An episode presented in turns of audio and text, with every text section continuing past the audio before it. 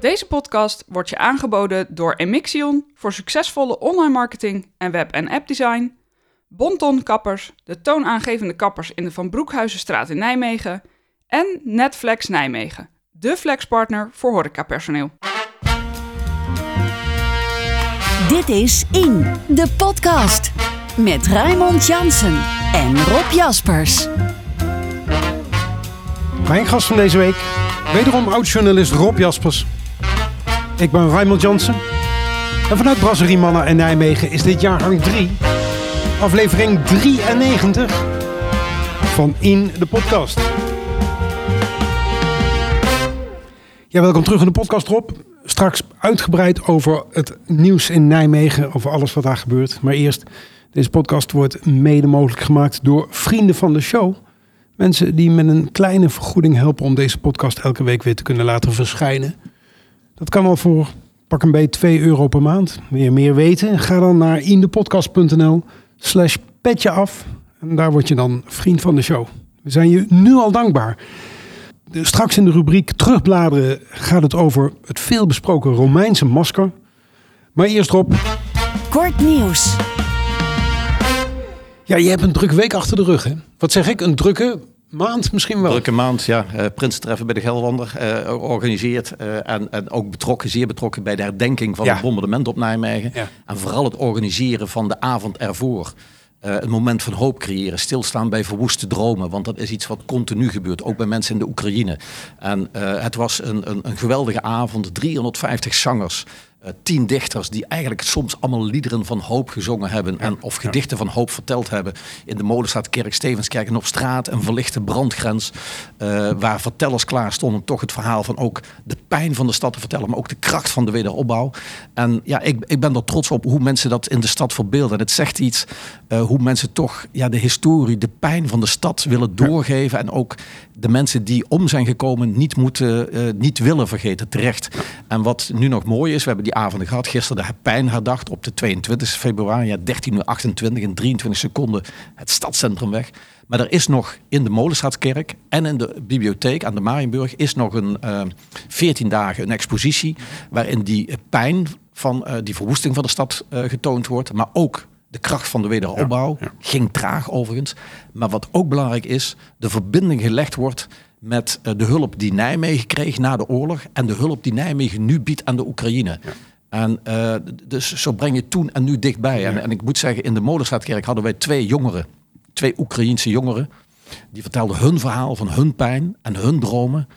Nou, de mensen in de kerk, er waren 600 mensen uh, in de Molenstraatkerk, die stonden recht overeind. Doodstil, hè? Uh, Ja. Het was doodstil. Ik, ik, het, het imponeerde mij. En, en zo breng je toen en nu dichtbij. Ja.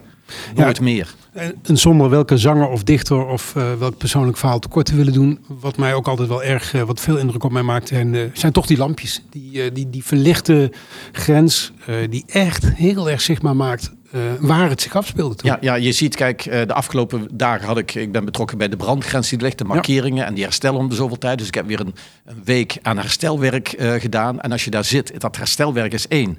Maar van de, elke ochtend stond ik daar drie uur. En van die drie uur ben ik twee uur aan het praten. Omdat mensen staan stil. En dan moet je ze toch het verhaal van de pijn van de stad uitleggen. En sommige mensen zeggen, ja, ik weet het. Maar zeker jongeren. En als mensen uit een andere stad komen, dan is het als je zegt... dit centrum is weggevaagd in de Tweede Wereldoorlog. Ja. Dan kijken ze je aan. Dus toch zo'n verhaal. Nijmegen is een van de zwaarst getroffen steden in Nederland geweest. Is dan toch onbekend. Maar dat, dat moet je dus omhoog blijven halen. Iets anders. Van de week werd bekend dat eh, Breda en Tilburg in ieder geval gaan starten. Een toestemming hebben gekregen ook voor eh, de wietproef. De veelbesproken, het veelbesproken experiment om eh, gereguleerde wietteelt. eh, Dus legaal geteelde ja. wieten. Dus niet van de criminelen binnenhalen. Niet van de, de onbekenden binnenhalen. Maar legaal geteeld. Ja, en Nijmegen die, eh, die wilde dat ook graag. Ehm, meerderheid van de gemeenteraad. De burgemeester dacht er iets anders over, maar had het ermee te doen. Ehm, betekent dit dat Nijmegen nu ook aan de bak kan? Nou, wat ik begrepen heb, kijk, het is een heel traag proces geweest. Uh, Paul de Pla, hier nog ooit wethouder, daarna burgemeester Hele, altijd een voorstander geweest. Ja. Uh, van Guns in Nijmegen ook de man die altijd ja. geopperd heeft, dit moet hier ook gebeuren. Heel traag geweest. Uh, Tilburg en Breda, die krijgen dus nu de ruimte. En ik hoorde zeggen dat uh, de minister zei dan, dan zou een jaar later, dus tweede, eind 2024, ja. 2025, zouden andere gemeenten aan bod kunnen komen. Ik denk dan altijd, moeten we eerst natuurlijk weten, gaat er niks mis met die proef in Tilburg en ja. Breda? Ja, nou ja, goed kijken naar Paul de Pla, daar, eh, hoe het in eh, Breda gaat. Ja, je zou het bijna, alweer- bijna alweer vergeten, maar we hebben natuurlijk ook carnaval achter de rug. Er ging een fraaie foto rond van het eh, college, verkleed en al. Ja, kijk, hij, hij haalde de wereldpers eh, weer, zal ik zeggen, in Nederland dan. Hè. Eh, ja, nou, nou, ja, kijk, ja, Bruls komt uit Limburg, hij komt uit Nutten, dus hij weet wat carnaval vieren is, denk ik. Hij weet wat verkleden is. En hij pakt het toch altijd goed, eh, goed aan. En, ja, misschien zag je ook wel de rollen. Hij stond als groot als, als, als rood kapje. Dan stonden er twee kabouters en dan stond er nog een ridder naast. Hè. Ja, ja, ja. ja. Eh, en wie was die ridder ook alweer? Dat was Jean-Paul Broeren. Hè? Tot de tanden gewapend, zullen Tot de tanden gewapend, zou ik maar zeggen. Ja, ja. Dit is In, de podcast. In de tijd dat stikstof een zware wissel trekt op de woningbouw, blijft ook de verkoop van bouwkavels, zo bleek onlangs, fors achter bij de verwachting. Van de geplande verkoop van 1550 kavels zijn er vorig jaar slechts 229 verkopen gerealiseerd. Met name corporaties die korte kavels, maar particulieren die twijfelen erop. Nou ja, ja, een particuliere, dan moet je vooral, eh, dan denk je dat, dat ben ik en jij. Ja. Nee, het zijn de ontwikkelaars, de Ja. grote partijen Precies. die ook niet ingestapt zijn. En ja, het, het staat als een bijzinnetje, het kwam voorbij. Maar raadsleden waren toch hevig geschrokken, toch verontrust. Wethouder Vergunst die zegt dan van ja, ik ben wel geschrokken, maar ik ben nog niet in paniek. Maar het betekent toch iets. Eh, als er geen projecten waar instappen, dan wordt namelijk uitgelegd, wat is het? De gestegen kosten, de oorlog in de Oekraïne, beperkt het aantal producten wat we kunnen leveren. Eh, het gebrek aan mensen. Nou, als je dat, eh, de, de energieprijs die eh, stijgt, als je dat optelt, dan wordt er iets uitgelegd. Ja, misschien hebben we wel met 1500 te veel gepland, maar het gebeurt al jaren. Nou ja, laten we wel wezen, die dingen die je opsomt, dat is natuurlijk niet iets van de afgelopen week. Dus die, die, die vooruit, eh, dat, dat vooruitzicht had je natuurlijk kunnen zien Je aankomen. had dat kunnen zien aankomen. De vraag is hoe kun je het oplossen? Waar ik me Ja. meer zorgen over maak. Als ze zeggen van god jongens, we hebben weer hoop in 2023 en 2024 en 2025 komt dat wel weer goed. Dat is misschien toch te makkelijk uitgesproken. In die zin, eh, ja, ik zie die prijsstijgingen, dat gebrek aan bouwmaterialen, dat gebrek aan bouwmensen, zie ik niet veranderen. Misschien moet je anders bouwen, hè, zo- zoals we in de, in, in de winkelsteeg gaan doen met, Ja. met flexwoningen. Ja. Wat ook pijnlijk is, dat zien wij niet direct als burger. Maar die vertraging in die bouw, dat niet verkopen van die kavels. Ik geloof dat Nijmegen een recordbedrag uit de saldi-reserves heeft moeten halen. Om zo'n tekort, ik geloof 60, 70 miljoen euro, dat ze hebben moeten bijleggen. En dan is de vraag, hoe gaat dat in volgende jaren? Ja. En Nijmegen heeft een goede begroting. Maar dat dreigt toch iets aan te komen. Ik hoor altijd praten en dat is dan een volgende collegeperiode. In 2026 spreken veel mensen over het ravijn van Nijmegen. En wat denk je het ravijn van Nijmegen? Wat is dat? Daar gaat iets veranderen in de gemeentefonds. Geld dat Nijmegen, dat de gemeente uit het Rijk krijgen. Nijmegen krijgt dat ook. En daar gaat iets veranderen dat negatief is. En iedereen hoopt dat moet nog veranderen. En als je dat ravijn, dus dat, dat minder geld uit het Rijk, koppelt aan ook nog verlies, dat je de bouwgronden niet verkoopt. Ja, dan, dan zie je toch schrik. En even los, dit gaat over geld. Maar de andere kant is, er is hier, wij zijn de snelst groeiende gemeente. We hebben een tekort aan woningen. En om even aan te geven, je verkoopt geen bouwkavels in het Waal, Waalsprong.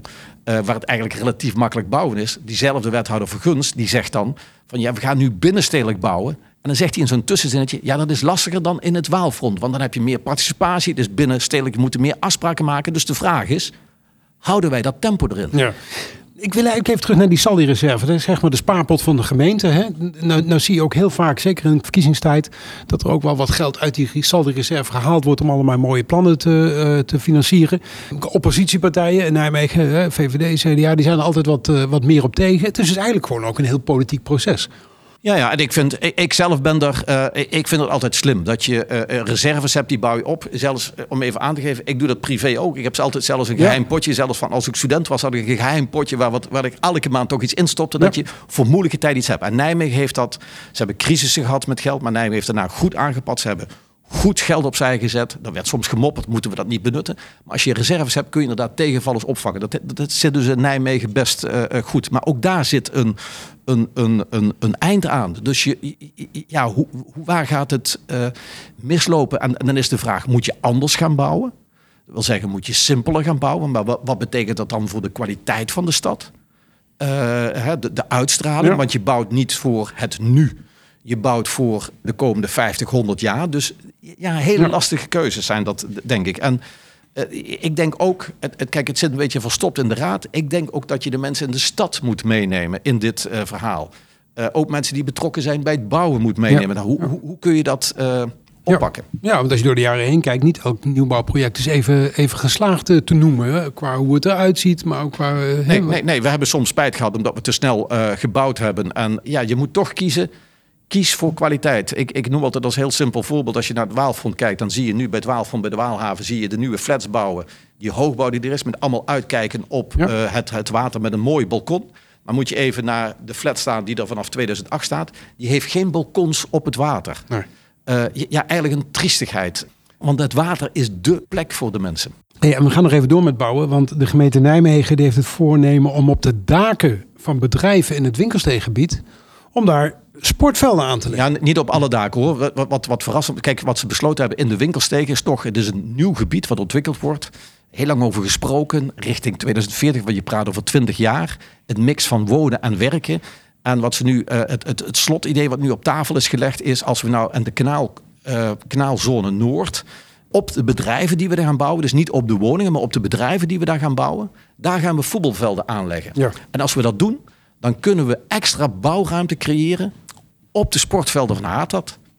Want daar worden dan woningen neergezet. En dan kan toch zo'n club in dingen. En het is eigenlijk revolutionair. Je staat er niet bij stil. Er is, eh, dacht ik, in, in, in Vleuten is daar boven Ikea. Ja, dat is niet helemaal nieuw, hè? er zijn twee voetbalvelden neergelegd. Dus ja, toch wel, wel nieuw. En het ja, staat dan zo'n bijzinnetje verstopt in zo'n plan van de winkelsteeg. Ja. eh, eh, de grote projecten van ja, voetbalvelden op een dak. Ik, ik zit al te denken van je mag niet meer te hoog schieten. Dan moet je de bal wel heel ver weghalen. Ja, hè? ja, ja, maar het kan dus, want het is niet. En Vleuten was een van de eerste. Ja. In 2007 dacht ik al. Ja, nee, hoor, nee, ja. 2014 dacht ik. Ik ben even de datum kwijt. Maar die hebben het toch al jaren. En in het buitenland zie je het vaker. Je hebt zelfs ook hardloopbanen eh, bovenop grote bedrijven, zodat je die effectiever kunt eh, Ja. benutten. Ja. Ik moet in één keer weer denken aan eh, die discussie die gaande was om die ijsbaan misschien wel te verplaatsen. Ook weer naar die nieuwe faciliteit toe.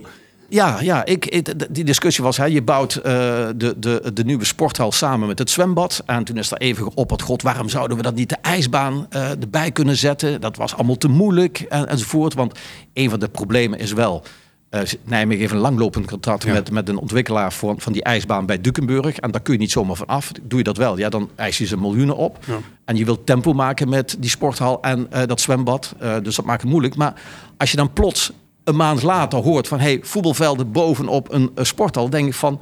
Of bovenop een sporthal, bovenop een Bedrijf, ja. bedrijfscomplex. Waarom zou je dan niet toch opnieuw misschien nadenken... zo'n zwembad met eh, de, de, ja, Ja. de nieuwe Jan Massinghal...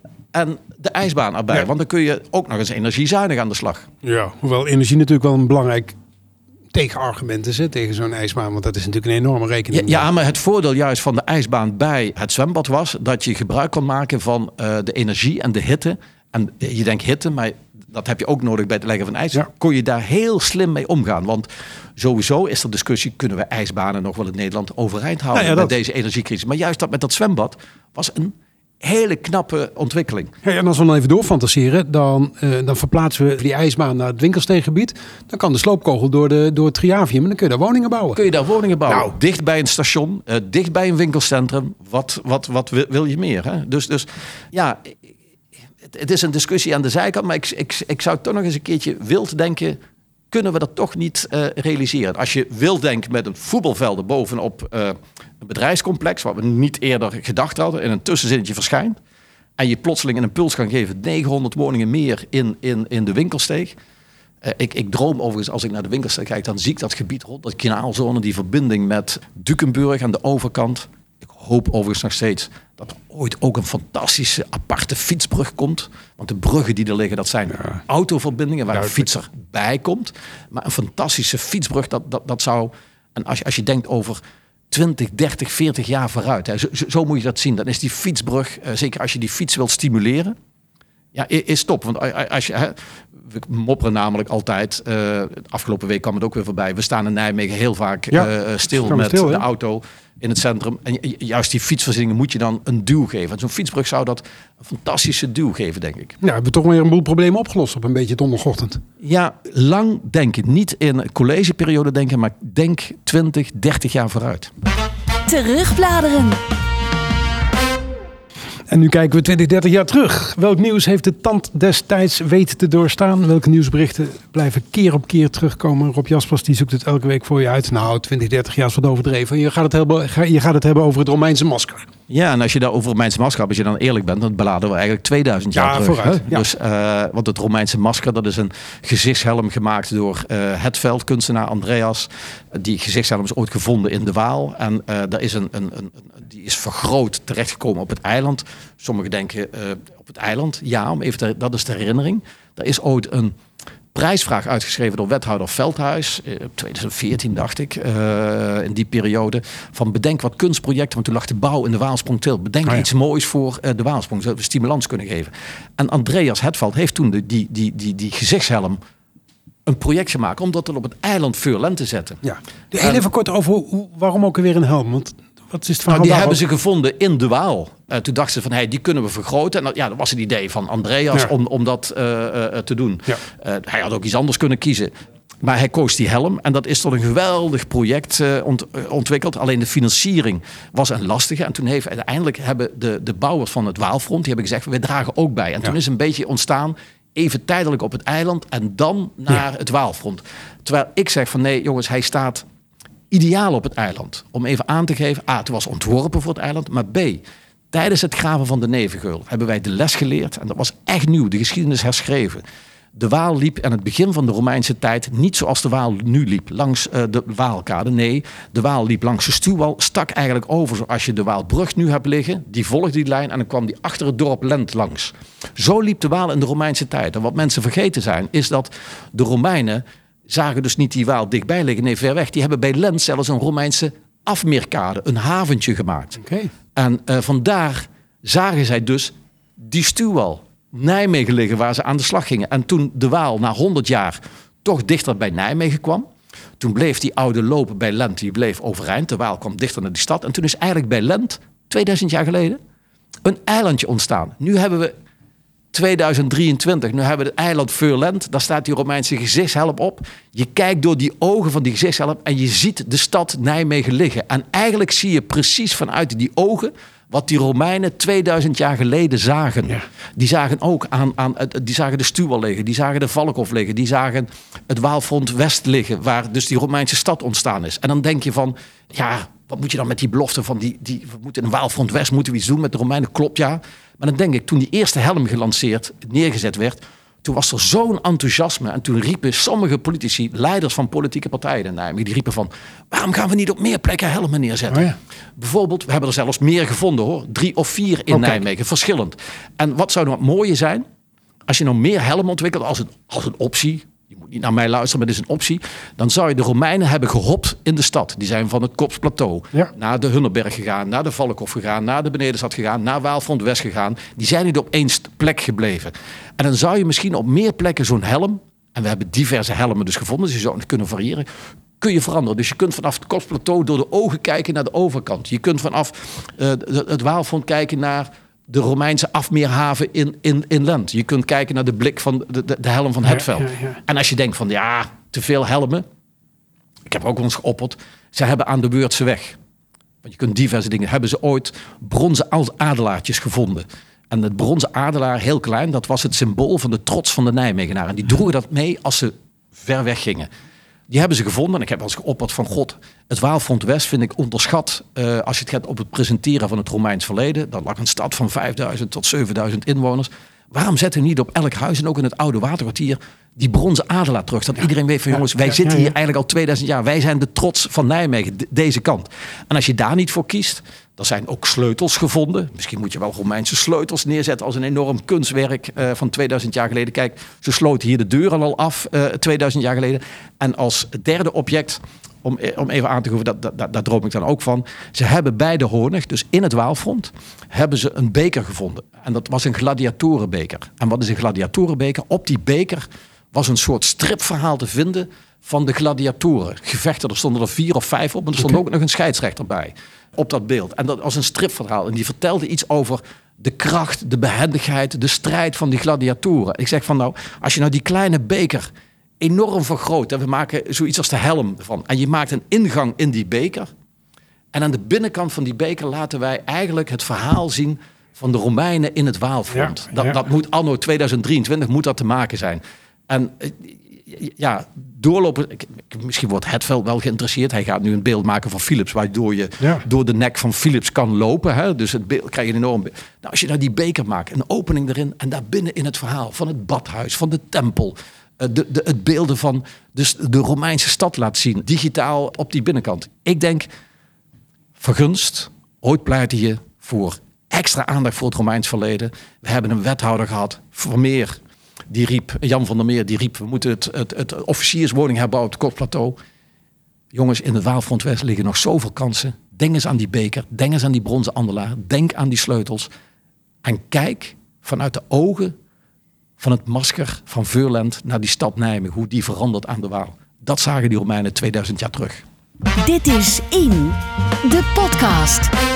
En van de geschiedenis terug naar de actualiteit. Want over een kleine maand gaan we weer naar de stembus. Dan zijn er verkiezingen voor de Provinciale Staten en voor de waterschappen.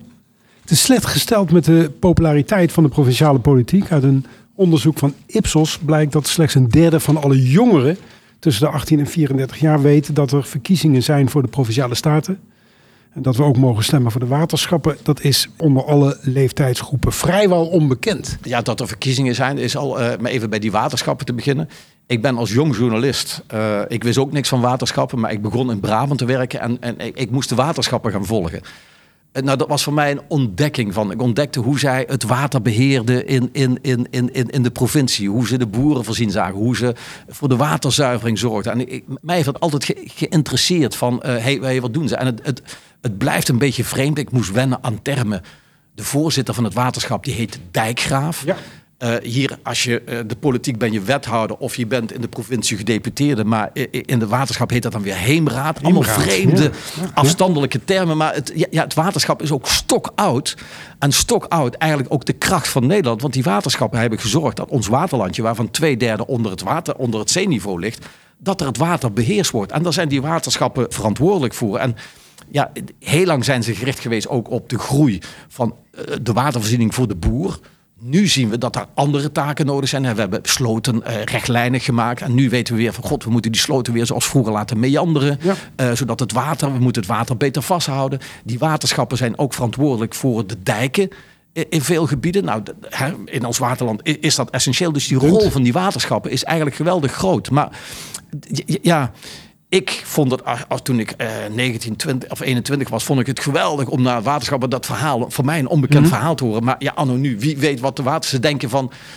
Ja, dat gebeurt wel. Maar Ja. het, daar vallen ook politieke besluiten. Wil je duurzaam zijn? Wil je de kosten laag houden? Eh, ga je puur voor het belang van de boer? Of denk je aan die stadsbewoner? Ja. En wat je ook ziet is dat ze, worden ze zijn bijvoorbeeld ook verantwoordelijk voor de waterzuivering, eh, waterschappen. En dan zie je dat er enorme stappen gezet zijn. Want die waterzuivering zijn inmiddels, ze zuiveren niet alleen het water, maar het zijn ook energieleveranciers geworden. Dus, dus Er dat gebeurt gebeurt heel veel, Ja. maar onbekend. Wat mij opvalt, want we hebben waterschapsverkiezingen. Maar niet alle eh, bestuurders van het waterschap die zijn direct gekozen. Want je hebt ook die zogenaamde geborgde zetels. Geborgen zetels. Ik geloof wel dat dat nu gaat eh, veranderen. Dat, eh, dat, dat we daar af de boeren en de, die vanuit hun belang een geborgen zetel hadden.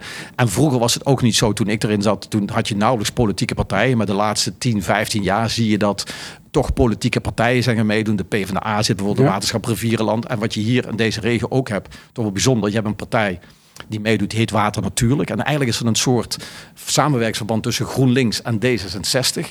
Die, die op een moderne wijze, op een, eh, milieuwijze naar het waterschap krijgen. En een van de mensen die daar overigens heemraad was, dus bestuurder van het Ja. waterschap, was Henny Roorda. Die nu kandidaat wethouder is voor GroenLinks in eh, de Staten van Gelderland. Ja, de Eh, kandidaat gedeputeerde ja, zelfs. hè? kandidaat Ja. gedeputeerde. Ja. En, eh, of je staat niet op de kies, hij is inderdaad kandidaat gedeputeerde. En ze is ooit raadslid geweest in Nijmegen voor GroenLinks. En het- ik, ik vind dat ze hele mooie stappen gezet hebben. Even op, op duurzaamheid binnen dat waterschap. Van hoe hou je rekening met het milieu? Hoe zorg je dat het water, dat we niet verdrogen en dat we over de toekomst nadenken? Maar heel opvallend is, zij zat dus eigenlijk in een samenwerksverband van GroenLinks en D66. Terwijl we het nu landelijk hebben over een samenwerking tussen de PvdA Ja. En GroenLinks. Uh, God, hoe, hoe zou dat zitten? Gaat D66 ook aansluiten? Of hoe? Nou, ik weet het niet. Overigens, zij was wel heel lang geleden raadslid in Nijmegen. Dat was 2002 ja, ja, begon ze tot, uh, ik dacht 2014 of zoiets. dus dat is echt gewoon een tijd geleden. En ze is overigens echt een kenner van het water. Want ze heeft nu een, een jaar een ambtelijke functie waar het vooral gaat uh, landelijk om hoe moet je omgaan met de klimaatverandering, met de stijgende zeespiegel, et cetera. Dus het is toch wel een kenner hoor in dit gebied. Misschien moeten we dat ook even benoemen. Jij hebt het over water natuurlijk. dat is een samenwerkingsverband tussen twee partijen. Partij van de Arbeid doet dan weer zelfstandig Die doen mee. weer zelfstandig mee, ja. En zo heb je meer partijen. Ik geloof... Uh, VVD volgens mij ook. VVD en, en, de CU ook. Ja, dat is heel wisselend. Dan heb je nog een boerenpartij of je hebt een, een, een algemeen belang. Dus het is een heel wisselend iets. En ik weet ook niet direct waar je, waar je op zou moeten stemmen, hoe je dat moet doen. Hoewel ik zou stilstaan bij het milieu, anders omgaan met water, nadenken over we moeten niet verdrogen, et cetera. Maar het is gewoon lastig. Maar het is wel een heel belangrijk orgaan. Het, het valt mij op dat in de verschillende stemwijzers die er zijn ook, uh, ook meer aandacht is voor die provinciale sta voor die pardon, uh, waterschapsverkiezingen. En ook voor de rol ervan. Want in veel van die vragen gaan ook over: uh, moeten, de, moeten de taken breder worden? Moeten er ook economische taken bij dat waterschap worden ondergebracht? Dus blijkbaar leeft het. Het leeft wel. Dus overigens, ook, er is overigens ook een tijd terug een aantal jaar terug was een discussie: moet het waterschap niet ondergebracht worden bij de provincie? En toen was er een angst dat juist die kennis die die waterschap, die unieke kennis die ze hebben, dat die daar verloren zou gaan. Ja. Uh, overigens op 7, uh, eh, nee, niet op 7, maar op 9 maart is er in Lux een avond waar eigenlijk uh, Ko Verdaas, dat is de voorzitter, de dijkgraaf van het waterschap, die woont in Beuningen aan de Waal. Uh, bij een steenfabriek, een gebied wat soms onder water kan komen te staan, uh, waar die liggen ook verhoogd op terpen. Die gaat dan met een aantal mensen toch uitleg geven over wat doen nou die waterschappen. Ja. Een avond met niet alleen praten, maar ook met muziek. En ook waarschijnlijk beelden van toch wat doet die waterschap. Ja. Een aanrader hoor, 9 maart. Voor degene die denken, Koverdaas, waar ken ik die naam ook weer van? Die kwam afgelopen week in het nieuws toen Frank Weerwind, minister, bleek uh, zijn kilometerregistratie niet op orde te hebben. En Verdaas die had dat in zijn tijd ook, niet, want die reed met zijn dienstwagen naar de Zwolle in plaats van naar Nijmegen. En zo werd hij volgens mij de kortzittende, uh, kortzittende uh, staatssecretaris. Ja, hij is zelf afgetreden. Je kunt dat ook... Uh, ja, het was dom, maar tegelijkertijd gewoon, hij heeft direct het besluit genomen, dit doe ik niet en hij weet, dit hoort niet. Uh, klaar. Ja. En om dit even helemaal compleet te maken, uh, zijn politiek assistent werd Stijn Verbrugge en die was weer raadslid voor de Partij van de Arbeid in Nijmegen en ooit geloof ik zelfs het beste, grootste talent ja, klopt, ja, of jongste ja. staatslid. Maar tot zover mijn terugblik. Ja, we noemen het al een paar keer. Provinciale statenverkiezingen komen er natuurlijk ook aan. Uh, uh, uh, Roorda is kandidaat gedeputeerde. ja, voor de rest is dat ook niet zo'n ontzettend Nijmeegsfeestje, hè? Die, die, die nou, zelfs, politiek. Zelfs, zelfs geen Geldersfeestje. Als, als, als ik uh, naar de media kijk, dan begrijp ik dat het gaat om de Eerste Kamerverkiezingen. Ja, uh, ja. En ik zie uh, de lijsttrekkers van de landelijke partijen verschijnen. En ja. ik, ik zou wel eens een peiling willen hebben onder burgers. Wat weet u, wat doet de provincie nu? En waarvoor ga je stemmen? Wordt het, uh, het, het, gaat toch om gelders beleid. En als je ja. gaat naar, naar provincies kijken, ja, zij gaan over. Uh, Waar komen wegen? Wat doen we met openbaar vervoer? Wat stimuleren we? Uh, ze letten op de naleving van milieuwetten. Hoe streng moet je zijn? denk even aan Nijmegen-West, ja, waar ja. uh, de provincie een belangrijke toezicht houden. Ze zorgen voor uh, hoe beschermen we natuur? Hoe creëren we nieuwe natuur? Ze zijn de toezichthouders op de gemeente qua geld.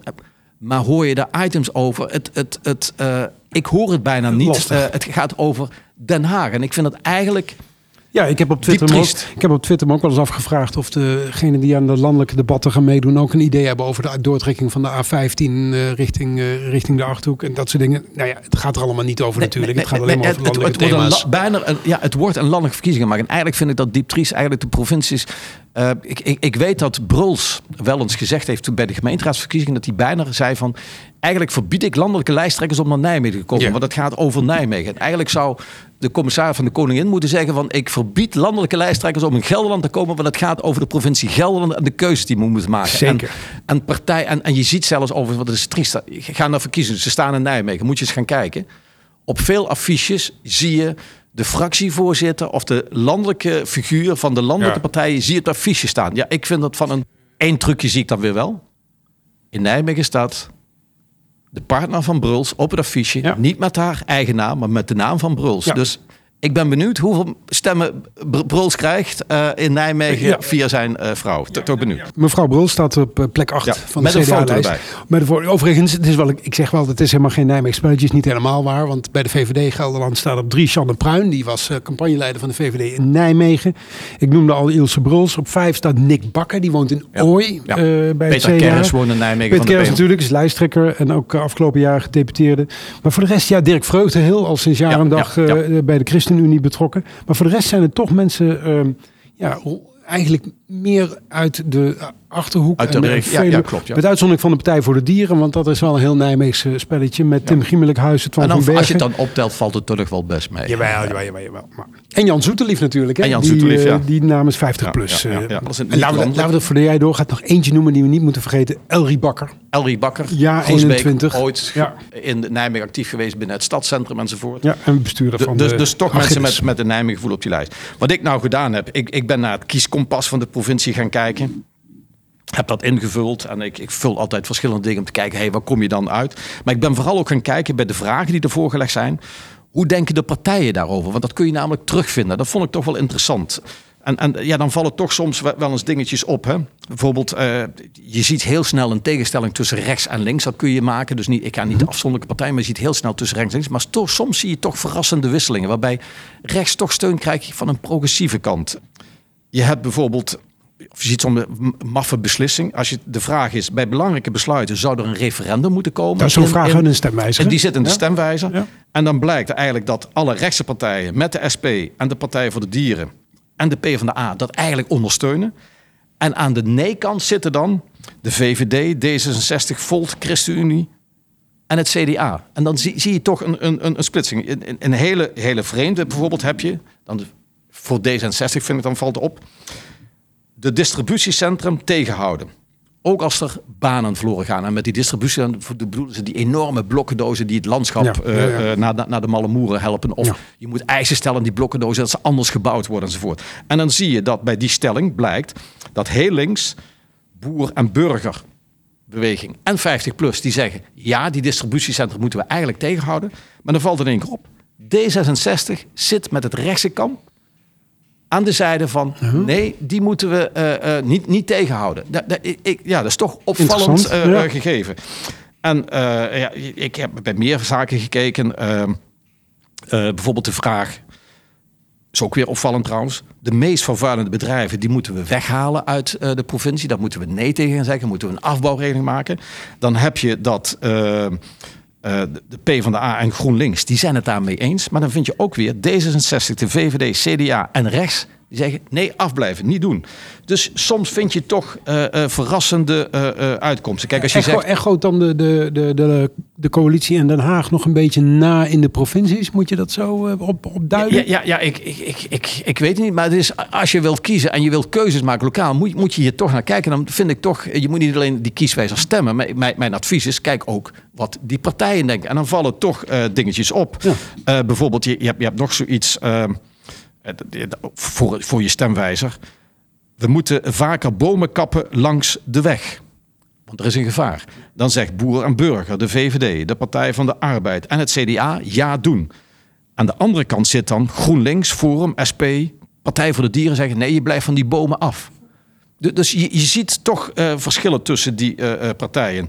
Eh, als je het hebt, er staat ook een vraag in. De kerncentrale moet terugkomen moet als die- alternatief. Moet die in Gelderland? Ja, moet hij in Gelderland? Nou, dan zegt alle rechtse partijen die zeggen ja, die mag in Gelderland komen. En absoluut nee zeggen dan D66, SP, Partij van de Arbeid, GroenLinks en de Partij voor de Dieren. D66 ook, ja? D66 ook, die zeggen er ook nee. Maar bijvoorbeeld Volt, die zegt ja hoor, die kerncentrale Ja. mag. Dus ja, ik zie toch soms opvallende uitkomsten. En bijvoorbeeld ook zo'n vraag was bij die stemwijzer. Er moet meer geld van de provincie naar volkscultuur en minder naar de grote instellingen.